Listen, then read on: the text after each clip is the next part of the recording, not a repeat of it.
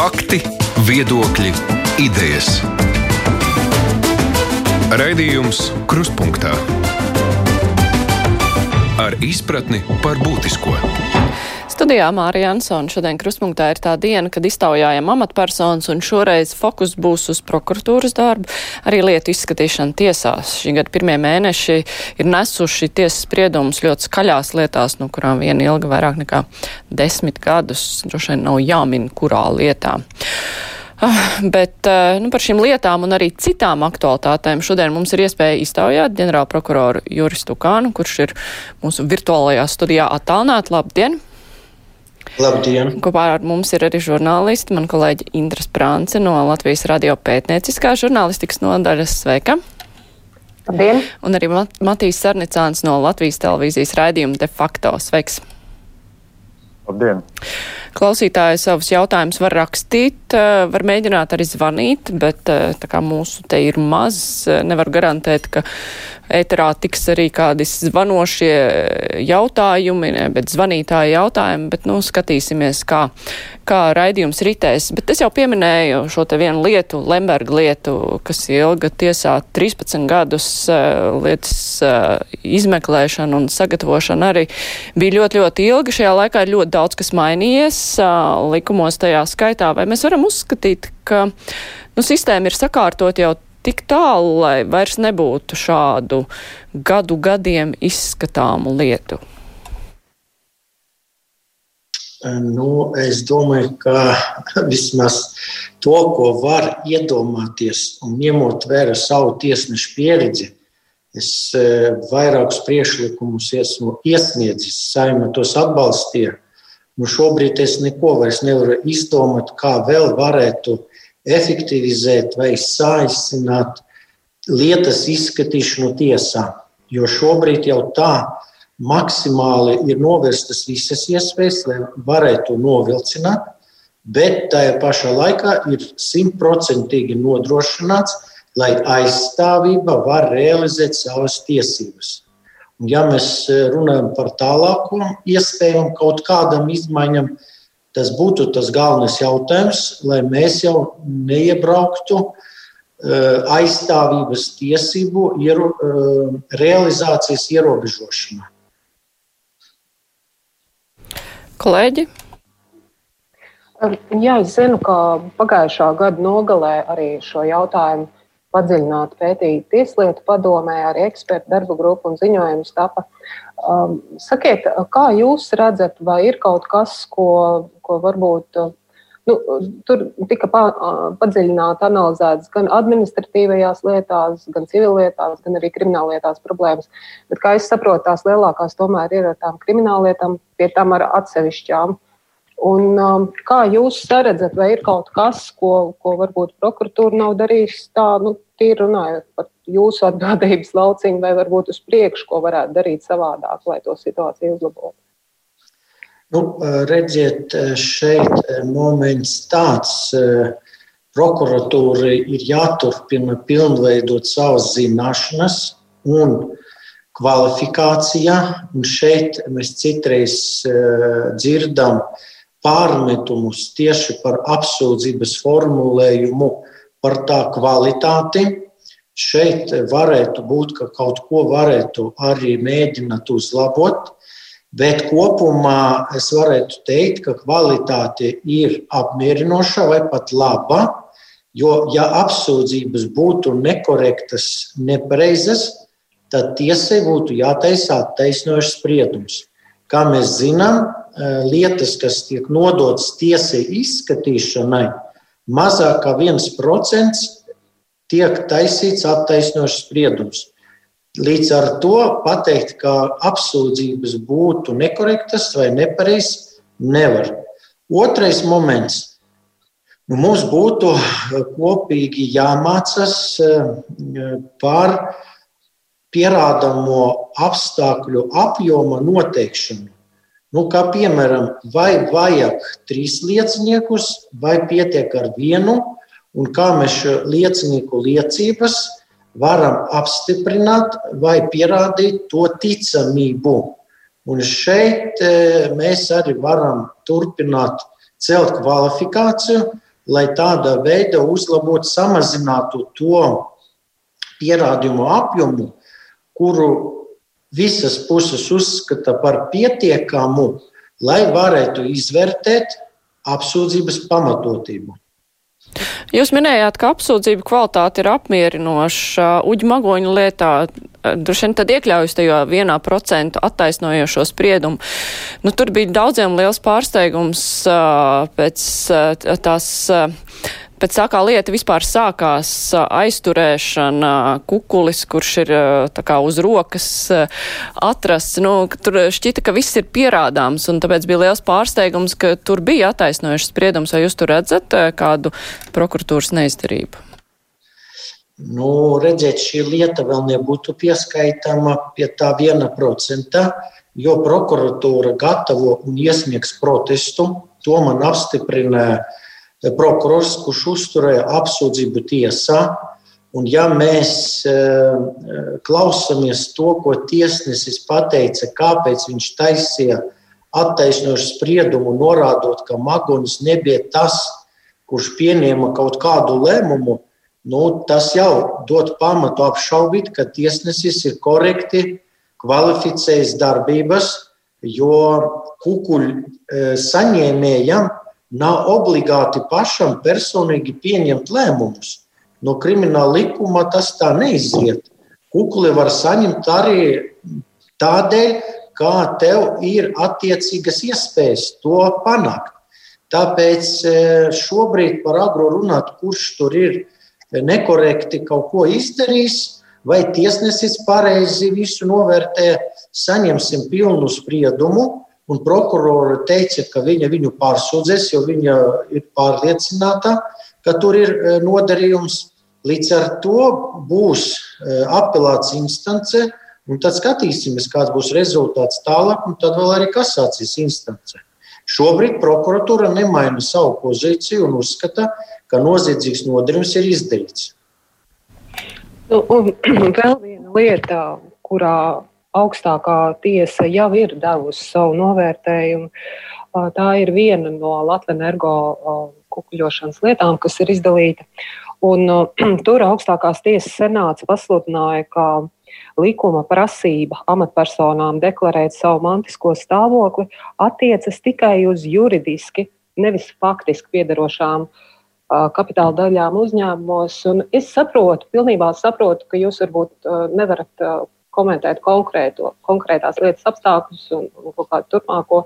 Taču kā jūs novērtētu, kāda varētu būt ietekme uz vispār uz korupcijas noziegumu izmeklēšanu un likumsargu iespējām saukt pie atbildības personas, valsts amatpersonas, kuras slēp savus īpašumus un, un iespējams pieņem lēmumus šajos amatos par labu sev slēpt piedarošiem uzņēmumiem. Kas notiktu, ja, ja šāds likuma traktējums paliek spēkā? Nu, es e, arī ceru, ka tas tā nebūs, e, jo es iepazinos ar augstākas tiesas e, lēmumu, un šeit nav vēl nekāds arī attaisnojošs spriedums. Augstākā tiesa nodeva lietu atkārtota izskatīšanas apelācijas instancijai, bet augstākā tiesa ļoti vienkārši vienkārša motīva dēļ atcēla spriedumu, Tāpēc, kā mm, prokurors apsūdzība norādīja, ka tas ir saistīts ar patiesa labuma guvēja tiesību realizāciju. Mana izpratnē šo patiesa labuma guvēja eh, institūtu nevajadzēja likt apsūdzību, jo tam nav nozīmes. Jo jūs pareizi norādījat, mēs runājam par akciju piederību. Bet augstākā tiesa redzot šo patiesa labuma guvēja eh, statusu. Viennozīmīgi tur pat e, nevajadzēja tik ilgi tur e, vai daudz rakstīts. Ceturtais punkts, kurš tika inkriminēts apsūdzība, viņš nesaturēja šādu statusu un patiesi labuma guvēja institūts e, šajos dokumentus tika ielikts daudz, daudz vēlāk. Bet mēs runājam par to, par ko jūs arī pareizi norādījāt. Vai amatpersonai piederēja, piederēja akcijas? Vai kapitāla daļas, kas tur es tā tagad nepateikšu. Līdz ar to arī šajā aspektā prokurors e, pastāv uz savā, e, kā tur ir izdarīts noziegums, Un, nu, tas būtu vispār ļoti jocīgi, ja būtu jānorāda tikai to, kas ir juridiski noformēts. Ja tas ir juridiski noformēts, tad nu, tas viss ir reģistros. To var pārbaudīt, neprasot pašu amatpersonu to iesniegt. Līdz ar to deklarācijas mērķis ir novērtēt patieso statusu un skaidrs, ka arī amatpersona varbūt nav ieinteresēta, ja viņa slēpjas Bet tad gan ir tiesība aizsardzības iestāžu uzdevums šo konstatēt un inkriminēt to, ka viņa ir slēpusi. Kaut gan reāli patiesi viņa bija to akciju turētais. Respektīvi, ja es pareizi saprotu, jūs uzskatāt, ka, ka šāds traktējums nevar būt spēkā un nevar, nevar tikt attiecināts turpmāk. Redziet, ja lasat to augstākās tiesas lēmumu kopsakarā, tad eh, es neteiktu, ka var tādu secinājumu viennozīmīgi izdarīt kā jūs. Es domāju, ka tiešām šeit būs apelācija instance, skatīsimies, kā tas attīstīsies. Skaidrs, ka būs kasācijas instance, un tad pieliks to punktu. Es domāju, ka šeit tiešām traktējums, nu, tur ir bijuši eh, citas nianses kas šajā augstākās tiesas lēmumā netika vērtētas. Jo, lai atceltu, bija tiešām pietiekoši ar to, ka tika minēts institūts, kurš nebija uz to laiku. Un ceturtais punkts, attiecīgi, manuprāt, ministru kārtu noteikumus arī šodien viņu nesatur, bet tam ir atsevišķs sestais punkts izveidots. Līdz ar to tas atcelšanas iemesls ir ļoti nu, vienkāršs. Matīs. Jā, starp citu, šo augstākās tiesas lēmumu par amatpersonu deklarācijām arī Aivara Lemberga lieta apsūdzētie kā uz tādu glābiņu atsaucās. Bet man, man jautājums ne par to, bet tieši arī par, par Lemberga lietas nu, termiņiem vēl jau var. Tas, ko tiesnese norādīja, nu, viņi minēja vairākus apstākļus, un viens viņi minēja šos lielos apjomus, kāpēc to lietu tik ilgi iztiesāja. Jūs, Tukāna kungs, minējāt, ka prokuroriem jāizvērtē vai saukt trīs lieciniekus, vai pietiek ar vienu. Šī gadījumā laikam bija jautājums, vai, vai simts liecinieki bija vajadzīgi. Cik, nu, es nezinu precīzi, cik viņi bija, bet nu, tā tad ap simtu. Vai jūs, prāt, nu, cik jūs esat iedziļinājies, prokuratūra nebija pārapdrošinājusies šajā lietā, vai tiešām tie apjomi bija lietā tik lieli, ka, ka vajadzēja nu, teiksim, visus, visus nopratināt? Ja redziet, vēl papildinot par iepriekšējo jautājumu, tieši tā, šajā lietā tiesnesis tieši taisē, manuprāt, notiesājušo spriedumu, un arī atbildot uz jautājumu, tieši arī paskaidroja, ka jāvērtē faktiska, reāla situācija. Tā kā redzēsim, kā tas pabeigsies, bet redziet, kā pareizi jau šeit norādīja, tas bija 13 vai 12 gadi atpakaļ kad tika virzītas, virzīts šis krimināla process uz tiesu. Nu, piedošana par tiem 12 gadiem jau ir pilnīgi cits krimināla process. Un, ja tas būtu šodien, es varu sadarīt vai apgalvot, ka šodien, ja mēs sūtītu to pašu procesu, viņš neizņemtu ilgāk par pieciem gadiem. Tātad process ir pilnveidots. Par liecinieku daudzumu nu, ne jau pārapdrošinās, bet redziet, tur gāja runa par ļoti seniem notikumiem. Un tad atkal ir jāskatās, vai attiecīga fakta esamību var apstiprināt arī ar objektīviem raksturveida dokumentiem. Tad skaidrs, ka liecinieku liecības gandrīz nav nepieciešams. Bet, ja mums ir tikai attiecīgi, teiksim, cietuša liecības par kaut ko, tad, lai mēs varētu pārliecināt tiesu par teikta ticamību, šeit gan ir jāvērtē, kādus liecības un cik daudz un par kādiem apstākļiem ir jāicina. Jo, ja es nemaldos, tur tika vērtēts e, apsūdzētā vairāk kā desmit gadu dzīves periods. Nu, desmit gadi uz simts lieciniekiem nav nemaz tik daudz. Pa desmit, pa, pa vienu gadu tas ir tīri normāli. Vēl. Es jau varu pabeigšu par pa Lemberga lietu vienkārši par šo mantas apjomu, kas, ko tiesa nolēma konfiscēt, vai uh, prokuratūru kā apsūdzības uzturētāju uztrauc, kas notiek ar šo mantu, jo, nu, kā zināms, viņi tā tad ir šobrīd ir nu, juridisks strīds par to, kā, kā viņu tālāk pārvaldīt, kurš pārvaldīs, vai viņi nav izsaimniekota galu galā policija izmeklē, vai, vai jūs šis jautājums satrauc, vai jūs kaut kā esat iesaistīti, lai uh, viņu risinātu? Nē, nu redziet, katram ir jādara savs darbiņš un savā posmā. Prokuratūra līdz tiesai izdarīja savu darbu, tagad lieta ir tiesā. Turpmāk ir process virzīties tiesā, un attiecīgi tiesai jānodrošina viss atbilstoši likuma prasībām. Tas, ka ir saņemta informācija par mantas e, apjoma samazināšanos, jā, tāda ir. Manuprāt, divi vai vairāki krimināli procesi atrodas policijai izmeklēšana tieši saistībā ar mantu. Tur attiecīgi tiek nodrošināta prokurora uzraudzība un izmeklēšana notiek. Bet redziet, šeit ir arī jāsaprot to, ja mēs runājam par akcijiem sabiedrībā tiesas process gāja 12 gadus. Principā par šiem 12 gadiem sabiedrība varēja gan bankrotēt, gan viņu varēja likvidēt, gan sabiedrība varēja kļūt vēl bagātāka. Līdz ar to arests mantai neizpaužas tajā, ka mēs iesaldam uh, attiecīgas sabiedrības darbību.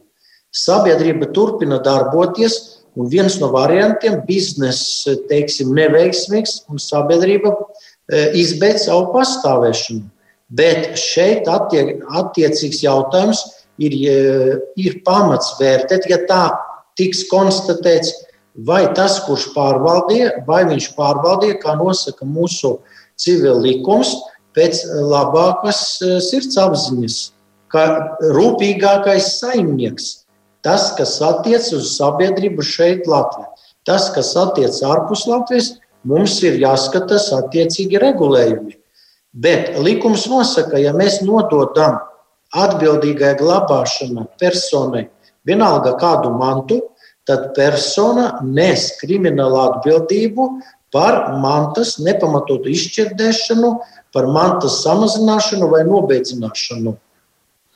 Tāpēc šeit tas, kurš uzņemas, tas arī nesīs to atbildību. Indre. Mhm. Jā, man būtu vēl divi jautājumi pie, pie Lemberga krimināla procesa. Pirmkārt, es gribēju uzvaicāt, nu, mums atvērtajos failos pētot šo tēmu, runājot ar prokuroriem.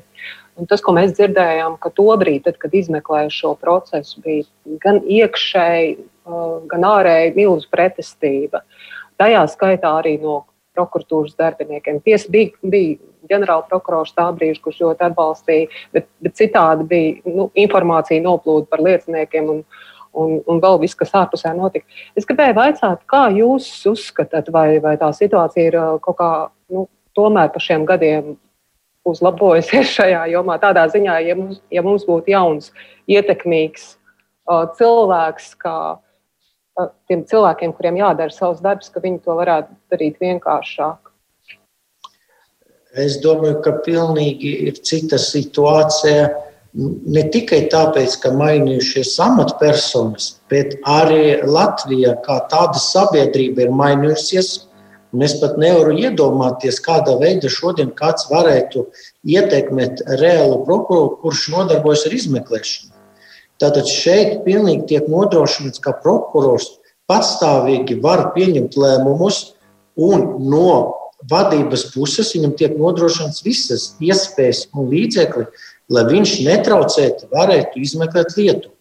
Man par šo pusgadu bišķi vairāk nav neviens prokurors pat ierunājis vai norādījis, ka būtu kaut kāda veida uh, ietekme vai traucējumi vai pat mājieni. Šobrīd sabiedrība ir cita. Es, es domāju, ka šobrīd tas vairs nav iespējams. Jebkurā gadījumā no manas puses būs simtprocentīga aizsardzība. Paldies. Un otrs jautājums ir par tā saucamo stipendijātu daļu, kas, kas izriet no šī procesa. Nu, mēs redzam, ir pirmās instances tiesas spriedums, ko dara prokuratūra. Ko jūs turpināsiet izmeklēt vēl daudzus gadus, vai, vai ir jau kaut kāda skaidrība? Manuprāt, prokuratūra neko tur nedarīja. Tā lieta vienkārši stāv un ar iespēju, ja tiks iegūta kāda informācija, lai varētu atšifrēt tās personas, kuras bija tas naudas līdzekļu saņēmēji. Es, ko jūs pieminējat, to raidījumu noklausījos, un arī prokurors bijušais, kurš izmeklē lietu, arī teica, ka nu, arī uz to laiku nebija pierādījumu, lai mēs pateiktu, nu, ka piemēram zem burtiem tur F ir persona tāda un tāda. Un, ja mēs nevaram to atšifrēt, kaut gan mēs varbūt varam pieņemt un mēģināt zīmēt schēmu, bet ja mēs to nevaram pierādīt ar kaut kāda veida pierādījumu, nu, tad mēs nevaram izvirzīt arī apsūdzību. Tāpēc eh, es šobrīd nevaru viennozīmīgi pateikt, kāda ir tā mm, situācija uz šodienu. Bet tad, kad es atnācu un prasīju, tad tur nekas nenotika. Bet jūs sakat, ja tiks iegūta informācija, tas nozīmē, ka vai kāds meklē šo informāciju, vai arī vienkārši tiek gaidīts, ka kāds atnesīs šo informāciju, tāpat kā Lemberga lietu atnes mapīt, un tad kaut kas aizgāja.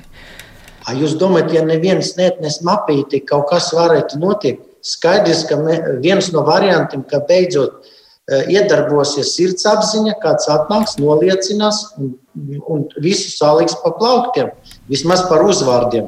Bet, ja mēs runājam saka, tieši, tad, nu, piedošana skaidrs, ka cik ir iespējams, tika veiktas gan procesālas, gan operatīvas darbības, jo skaidrs, ka neviens apzināti negrib to lietu nenogremdēt, ne tā, ka nedarīt, bet arī izdarīšanai ir objektīva iespējamība.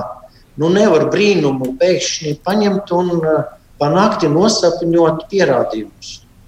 Klausītājs vaicā par magoņa lietu. Vai ir korekti, ka magoņa lieta tiek izskatīta, kā šeit ir minēts, pēdiņās lauku tiesā, nevis Rīgā?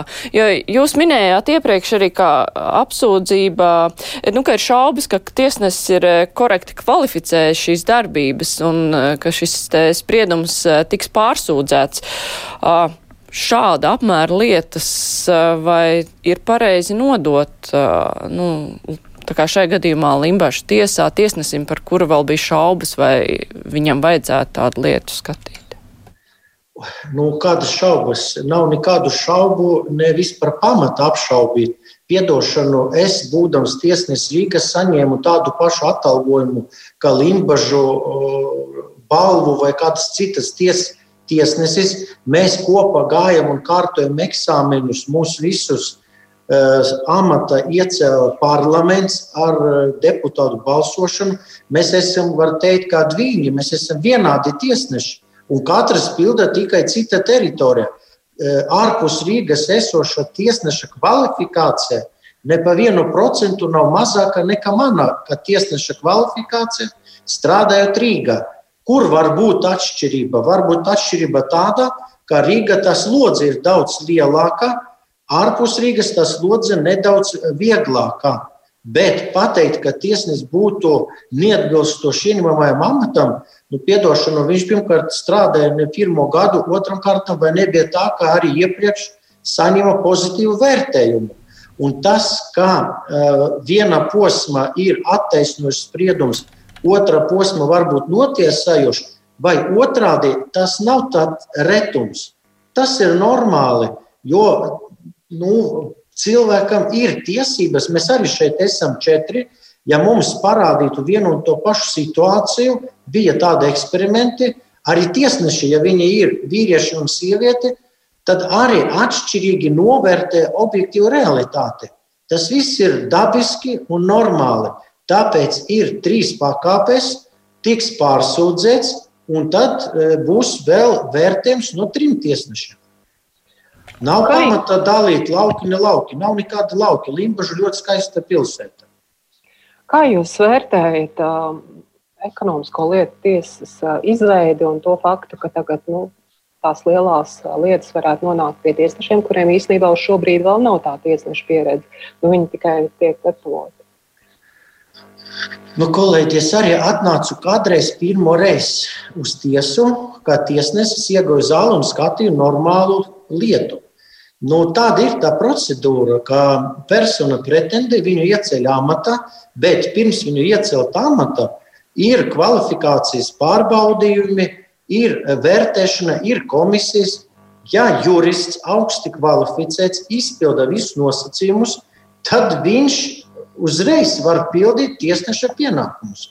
Un šeit varbūt jā, viņam ir kaut kādas darba organizācijas vai e, sava darba organizācijas aspekti nav līdz galam varbūt zināmi, ņemot vērā tiesu sistēmas, varbūt kaut kādas īpatnības. Bet, ja mēs runājam par juridisko izglītību, par spēju pieņemt spriedumu, lēmumu, nevar būt nekādu šaubu.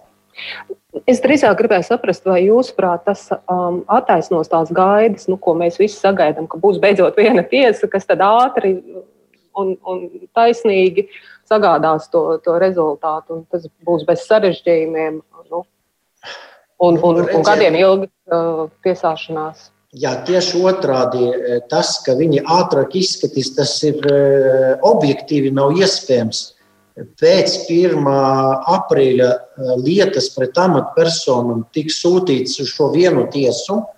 Un es domāju, ka viņi pēc kādiem diviem mēnešiem jau zīmēs pirmo tiesas sēdi pēc gada, jo lietu ir pietiekoši daudz. Nu, viņi, viņiem jāskata desmit cilvēkiem, gan civilietas, gan krimināllietas. Es tāda paša veida esmu sācis strādāt Rīgas pilsētas Ziemeļu rajona tiesā kur mēs bijām deviņi tiesneši un skatījām tikai Rīgas vienā rajona lietas. Tieši tā, es arī zīmēju kriminālu lietas pirmo sēdi vairāk nekā pēc gada, jo lietu daudzums bija liels. Tāpēc šo situāciju būs jāvērtē un jāskatās, kā to regulēt.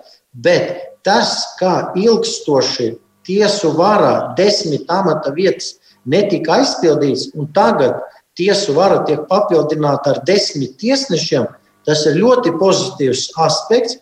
Jo, kā jau teicu, tā ir vesela tiesa. Agrāk bija Rīgā, kur gada laikā izskatīja vairākus tūkstošu lietu. Tā kā papildus darba rokas, tas ir ļoti pozitīvi. Tas, ka tur ātrumi nebūs tādi, kā viņi mēneša laikā to visu var izdarīt, diemžēl tas arī ir e, objektīvs, e, objektīvs pieņemums. Skatīsimies, kā tas būs. Matīs.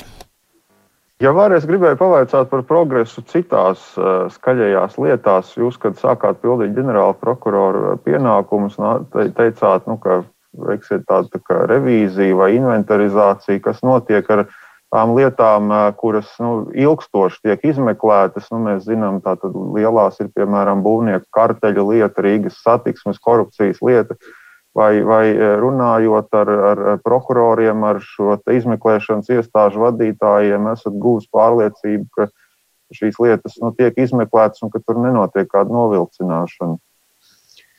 Jā, viennozīmīgi esmu pārliecināts, jo par visām nosauktām lietām es esmu uzklausījis gan izmeklētājus, gan prokurorus. Un, manuprāt, būvnieku lieta tur kaut kāda daļa jau ir pat uz tiesu nodots, tur viss notiek. Ja mēs runājam par Rīgas satiksmi, tur, diemžēl, ir šie starptautiskas sadarbības eh, lūgumi, un knāps attiecīgi veic šo izmeklēšanu. Kā tur viņam veicas, eh, grūti šodien pateikt, jo, diemžēl, eh, visi pierādījumi, kas ir nepieciešams, ir ārpus Latvijas. Un tas, kas ir Latvijā, tur knāps visu ir izdarījis. Vai e, kāds tur progress būtu, vai kādi pierādījumi tiks iegūti ārpus, nu, grūti pateikt, jo tad, kad es pēdējo reizi runāju, man nevarēja sniegt nekādu informāciju, jo nebija saņemti nekādi rezultāti. Es gribētu atgādināt klausītājiem un vēlāk arī Latvijas televīzijas skatītājiem, ka šodien kopā ar mums ir ģenerāla prokurors Juris Stukāns un arī žurnālisti Matīs Sarnicāns no Latvijas televīzijas raidījuma Te Fakto un Indras Prants no Latvijas radio pētnieciskā žurnālistikas nodaļas. Raidījums Krustpunktā. Klausītāji vēl grib dzirdēt uh, vairāk par uh, Lemberga lietas izmeklēšanu. Uh, arī Latvijas uh, radio pētnieciskās žurnālistikas um, atvērto failu raidījumā Bija minēts par šiem te lieciniekiem, kuri bija dīvainā nāvē miruši un informācija, kas tika nopludināta. Klausītājs vaicā, vai papildu šīs dīvainās liecinieku nāves tiks izmeklētas un arī meklēts, kurš tad īsti nopludināja informāciju par to, par lietas izmeklēšanu. Man grūti pateikt, diez vai, jo labi bija dīvainas, bet kaut kā no publiskas informācijas es neatceros, ka tur būtu kaut kādi krimināli procesi uzsākti. Bet nezinu, es nemāku pateikt, jo tāda aspekta nekad neviens neko nav runājis. Tad tas tiks atstāts, ka tā bija sagadīšanās, ka cilvēki ir miruši, kuriem bija jāliecina. Tas arī tā tika nu. prokuratūrā uztverts. Es nezinu, kā tajā laikā tas tika uztverts. Es domāju, ka droši vien, ja tam bija pamats, arī kaut kāda apstākļi tika pārbaudīti, bet man nav šobrīd nekādas informācijas, nezinu.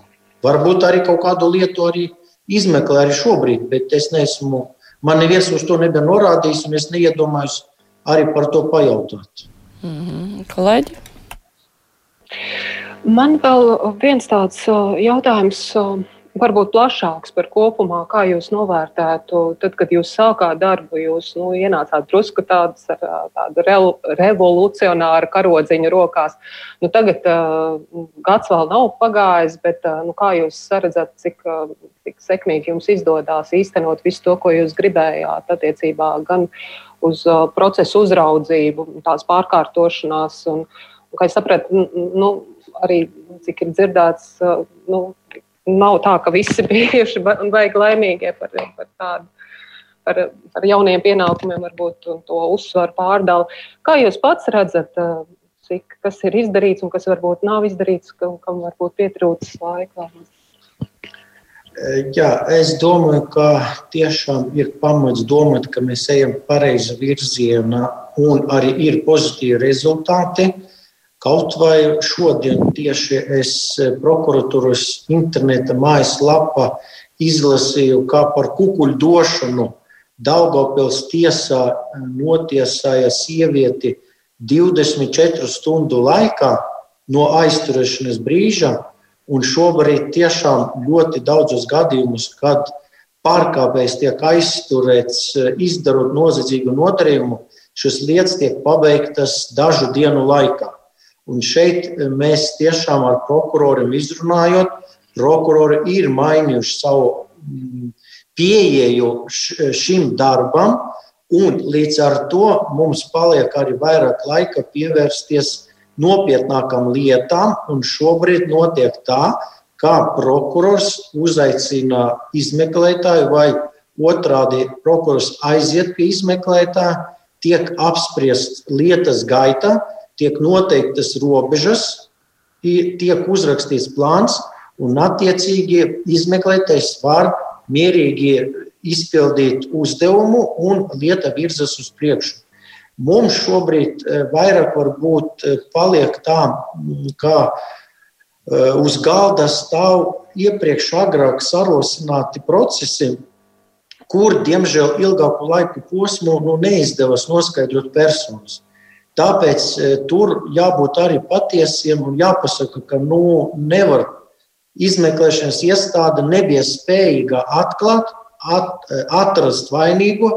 Līdz ar to šis lietas vai nu tiek apturēts vai izbeigtas. E, uz šodienu šis visas lietas krāmē čupā un izmeklētāja pasaka, viņi ir 800 lietas un viņi kaut kas par to ir jādomā. Īstenībā nav nekādas 800 lietas Es domāju, ka varētu būt nu, apmēram 200, e, kur ir iespējams izmeklēt un atklāt. Pārējais ir tiešām nu, jau neiespējami, objektīvi neiespējami e, atklāt to attiecīgu nodarījumu. Un šeit arī jāskatās, vai tas ir krimināla pārkāpums, mazāk smags, smags vai sevišķi smags. Skaidrs, ja tā ir slepkavība, tad ir speciālas nodaļas, kuri operatīvā ceļā izmeklē un turpina izmeklēt un ar mērķi atklāt šo slepkavību. Bet, ja tā ir zādzība no to paša veikala, kur veikals ir paziņojis, ka rekur ir izsists lokus, bet nav ne video novērošanas kameras, nav, nebija signalizācijas, nav pirksta nospiedumu, veicot notikumu vietas apskatu, nu tad šāda veida iesniegumu lietu ir jāizbeidz. Jo neviens nespēs pierādīt tur, neviens nespēs atrast šo zagli. Nu, šeit vēl viens moments, tas ir prioritātes. Nu, visi taču saprot, neviena pasaules valsts nav, kā būtu atklāti visi noziedzīgi nodarījumi. Un tur, kur tas ir iespējams, un kur ir pavadieni, kur ir pierādījumi, kur ir attiecīgi atstāts pēdas, tad attiecīgi mēs redzam, ka šodienas tehnoloģija mēs varam atklāt.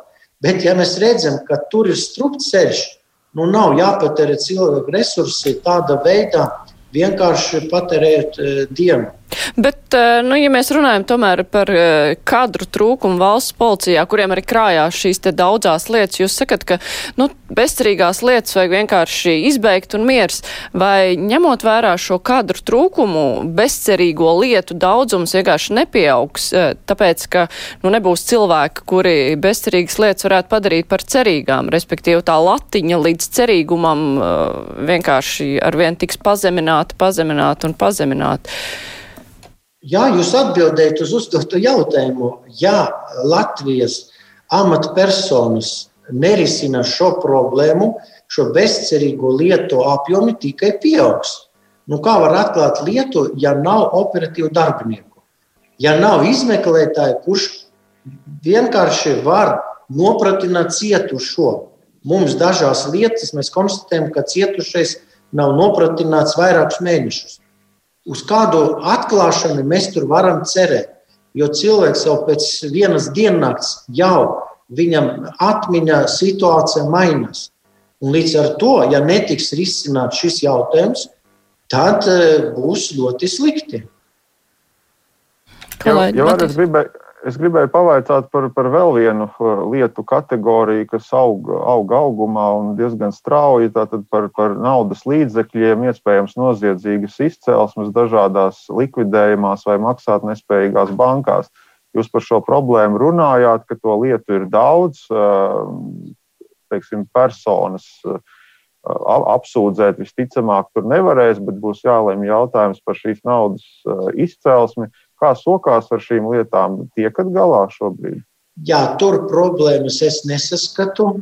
Uh, ir izveidota nodaļa, noziedzīgi iegūtu līdzekļu legalizācijas apkarošanas nodaļa ar pieciem prokuroriem.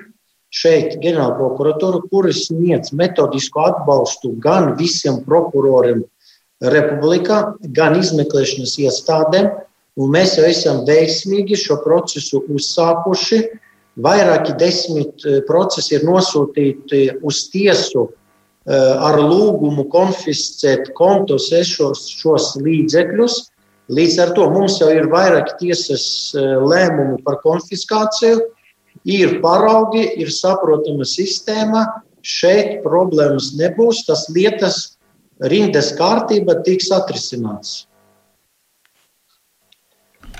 Indra. Man, jā, man ir uh, vēl viens jautājums, kas ir drusku par citu tēmu, bet jautājums jums, kā tiesu varas uh, atzara pārstāvim.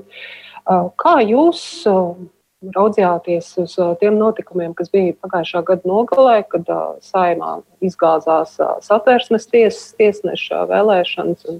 Mēs zinām, arī iespējams rītā atkal varētu balsot par Rodiņas kundas kandidatūru. Uh, vienlaikus bija šajā laika periodā arī diezgan asas un tādas interesantas, varētu teikt, uh, diskusijas vai polemika no politiķiem uh, par satversmes tiesas lēmumu jautājumā par vienzimuma pāri tiesībām, kas brīžiem balansē uz tās robežas, ka liekas, ka politiķi vēlas nu, ietekmēt šos satversmes tiesas lēmumus, lai, lai satversmes tiesa spriestu atbilstoši tam, kāds ir viņu pasaules redzējums, nevis tam, ko varbūt nosaka satversme. Kā jūs uz to visu raudzījāties un vai ir pamats bažīties par kaut kādu vēlmi politiski ietekmēt vienu ļoti nozīmīgu tiesu Latvijā. Redziet, ja mēs skatāmies eh, tos kandidātus, eh, kuri bija eh, jau reāli, kurus varēja apstiprināt pirmajā tūrē, un šobrīd Latvijas Universitātes profesora Rodiņa, tad man nav nekādu pamata bažām, ka gan pirmajā tūrē, ja būtu ievēlēts, gan es ceru, ka Rodiņas kundze tiks ievēlēta, Tur nav nekāda pamata domāt, ka tur varētu kaut kāda veida kādu ietekmēt vai teiksim, satversmes tiesas kapacitāti vai zināšanu līmenis tiktu samazināts. Tieši otrādi tas tiks vairots un paaugstināts. Tas, ka politiķi mēģina šāda veida tur katrs nu, izcināt kaut kādas savas intereses, tā ir tā politika.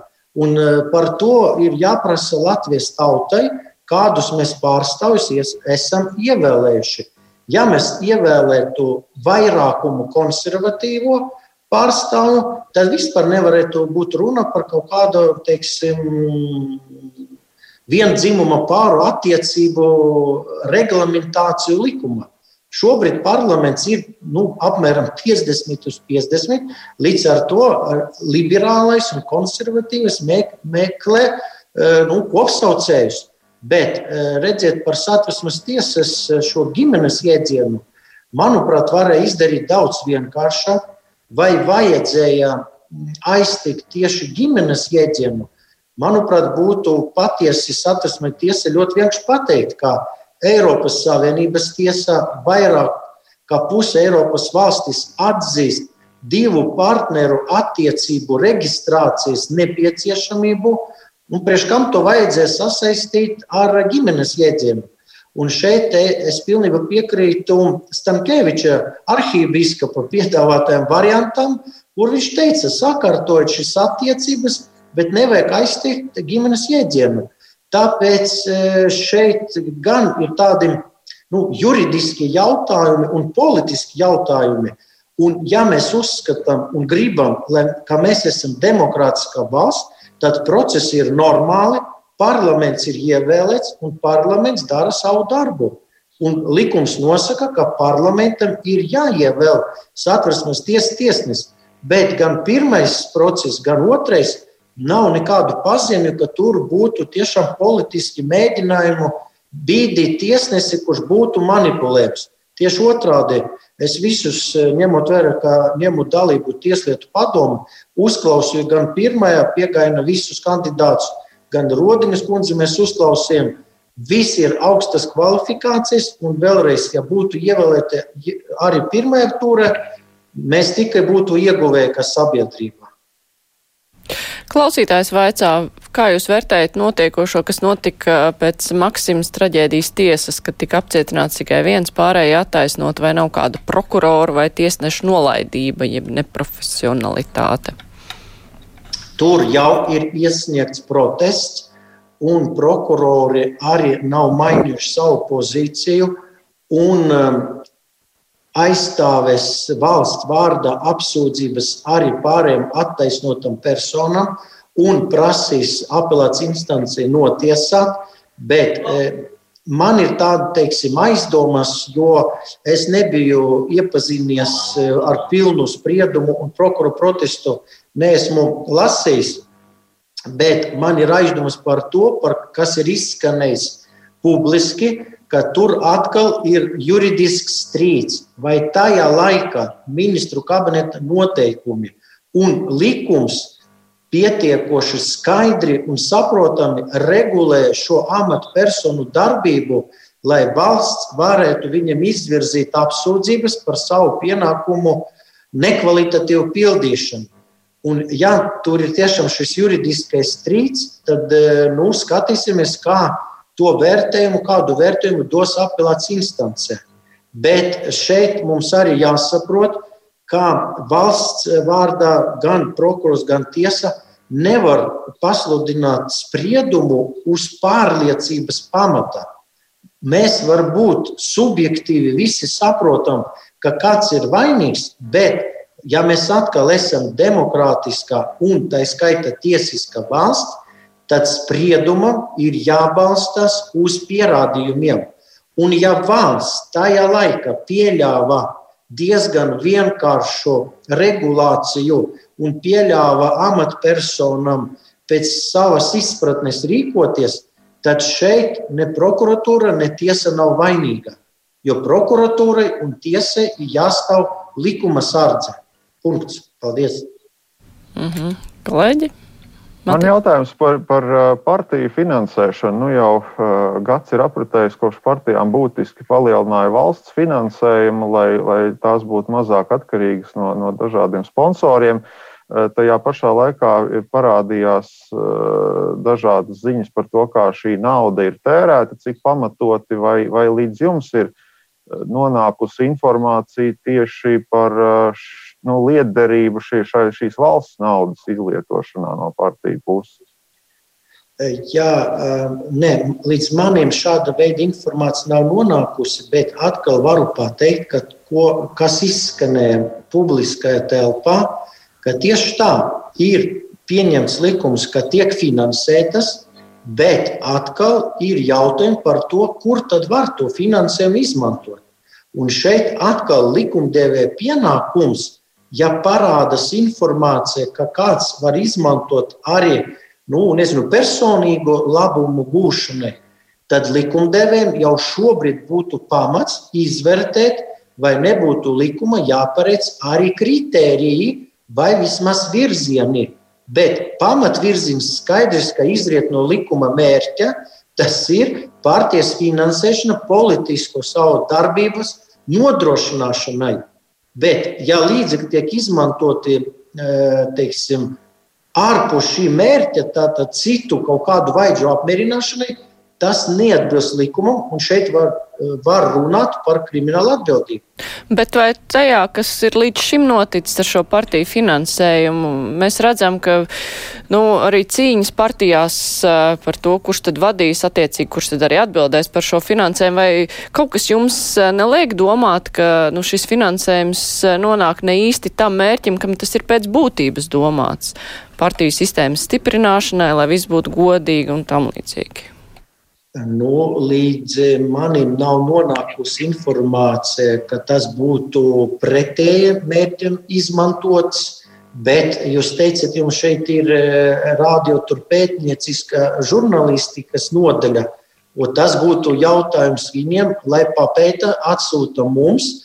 Mēs obligāti, ja mēs paši nebūsim līdz tam brīdim to konstatējuši, mēs obligāti izmeklēsim, un, ja mēs konstatēsim, ka arī regulējumā ir jautājumi, problēmas, mēs nāksim ar iniciatīvu. Es esmu jau arī nācis ar dažādām iniciatīvām, kaut vai par būtisko kaitējumu šo otrdienu, laikam, apakškomisija skatīja, nu, pa bišķiņi, pa bišķiņi arī sakārtosim tos jautājumus, kur mēs redzam, ka varbūt ir domstarpības lai tas tiktu skaidri noregulēts likumā.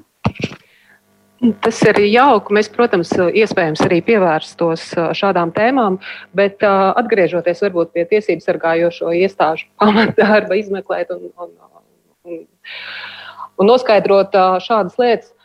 Kā jūs vērtējat, kāda ir knāba un prokuratūras sadarbība? Knāba, jūs domājat? Jā, jā. Nu, teikšu tā, es ar knaba vadītāju jau trīs reizes esmu ticies klātienē. Un eh, tiešām, kā es arī biju iepriekš izteicies, ka prokurora darbam ir jāsakas policijas iecirkni, tad arī prokurori, kuri strādā ar knapu, viņu darbs sākas ar iepazīšanos ar eh, saņemto informāciju un kopīgi viena kabineta ievērojot distanci Tātad tiek apspriestas tālākas procesuālas darbības. Uz šodienu ne no viena izmeklēšanas iestādes vadītāja neesmu saņēmis nekāda veida norādes, ka viņi būtu nu, neapmierināti vai viņi neredzētu atbalstu no prokuratūras. Tiešām šobrīd jau prokurori iet uz izmeklēšanas iestādēm, komunicē, sadarbojas, un mērķis ir viens - kvalitāte Šobrīd man nav pamata domāt, un neviens. Tā, ah, tur es spriežu pēc attēla, laikam ir pazudis internets savienojums. Jā, kolēģi, vai mēģina to risināt? Jā, Ing, uh, Intra, mēs tikmēr varam apspriest, kamēr mēs gaidām Stukānu kungu atpakaļ, tad uh, pētnieciskā žurnālistikas nodaļa nodarbosies ar uh, partiju naudas izmeklēšanu. Es domāju, ka šis jautājums noteikti nepaliks ārpus mūsu redzesloka. Vienkārši viena vien piebilde, es nezinu, vai Stukāna kungs mani dzird vai nedzird, bet. Uh, Jā, bija uz brītiņu atslēgties. Jā, nu tas gadījums, ko mēs redzējām ar uh, Kalnējera lietu, spilgti parādīja ļoti dažādas izpratnes. Viena, kas bija knābā, un otra, kas bija prokuratūrā. Tas jā, jā. Ja mēs runājam par Kalnēra kunga gadījumu, Knāps gribēja ātru un nu, teiksim, tādu vienkāršu reklāmu. Diemžēl viņi ir kļūdījušies, viņi to ir atzinuši. Mēs ar knābu kopā sēdējam pie viena galda, izrunājam šo gadījumu. Ir publiski pieejams lēmums, pret kuru nevienam nebija nekādu ne piezīmju, ne pretenziju. Šis juridisks jautājums tika sakārtots un knaps vienkārši bija pasteidzies. Tas bija vēl līdz es atnācu.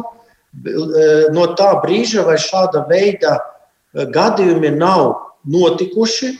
Un es teicu, knabam, nekādu problēmu, ja ir nepieciešams, mēs varam arī nedēļu sēdēt zālē un apspriest juridiskus jautājumus. Starp citu, šajā lietā mēs arī esam konsultējušies pie zinātniekiem, lai tiešām tiktu viennozīmīgi atrisināts, lai nav domstarpību, ka šeit kāds kaut ko grib vai kaut ko negrib. Knaps ir piekritis, ka viņi ir kļūdījušies. Vismaz man to ir teikuši. Jā, Indra, pavisam īsi mums ir jā, pavisam, tikai.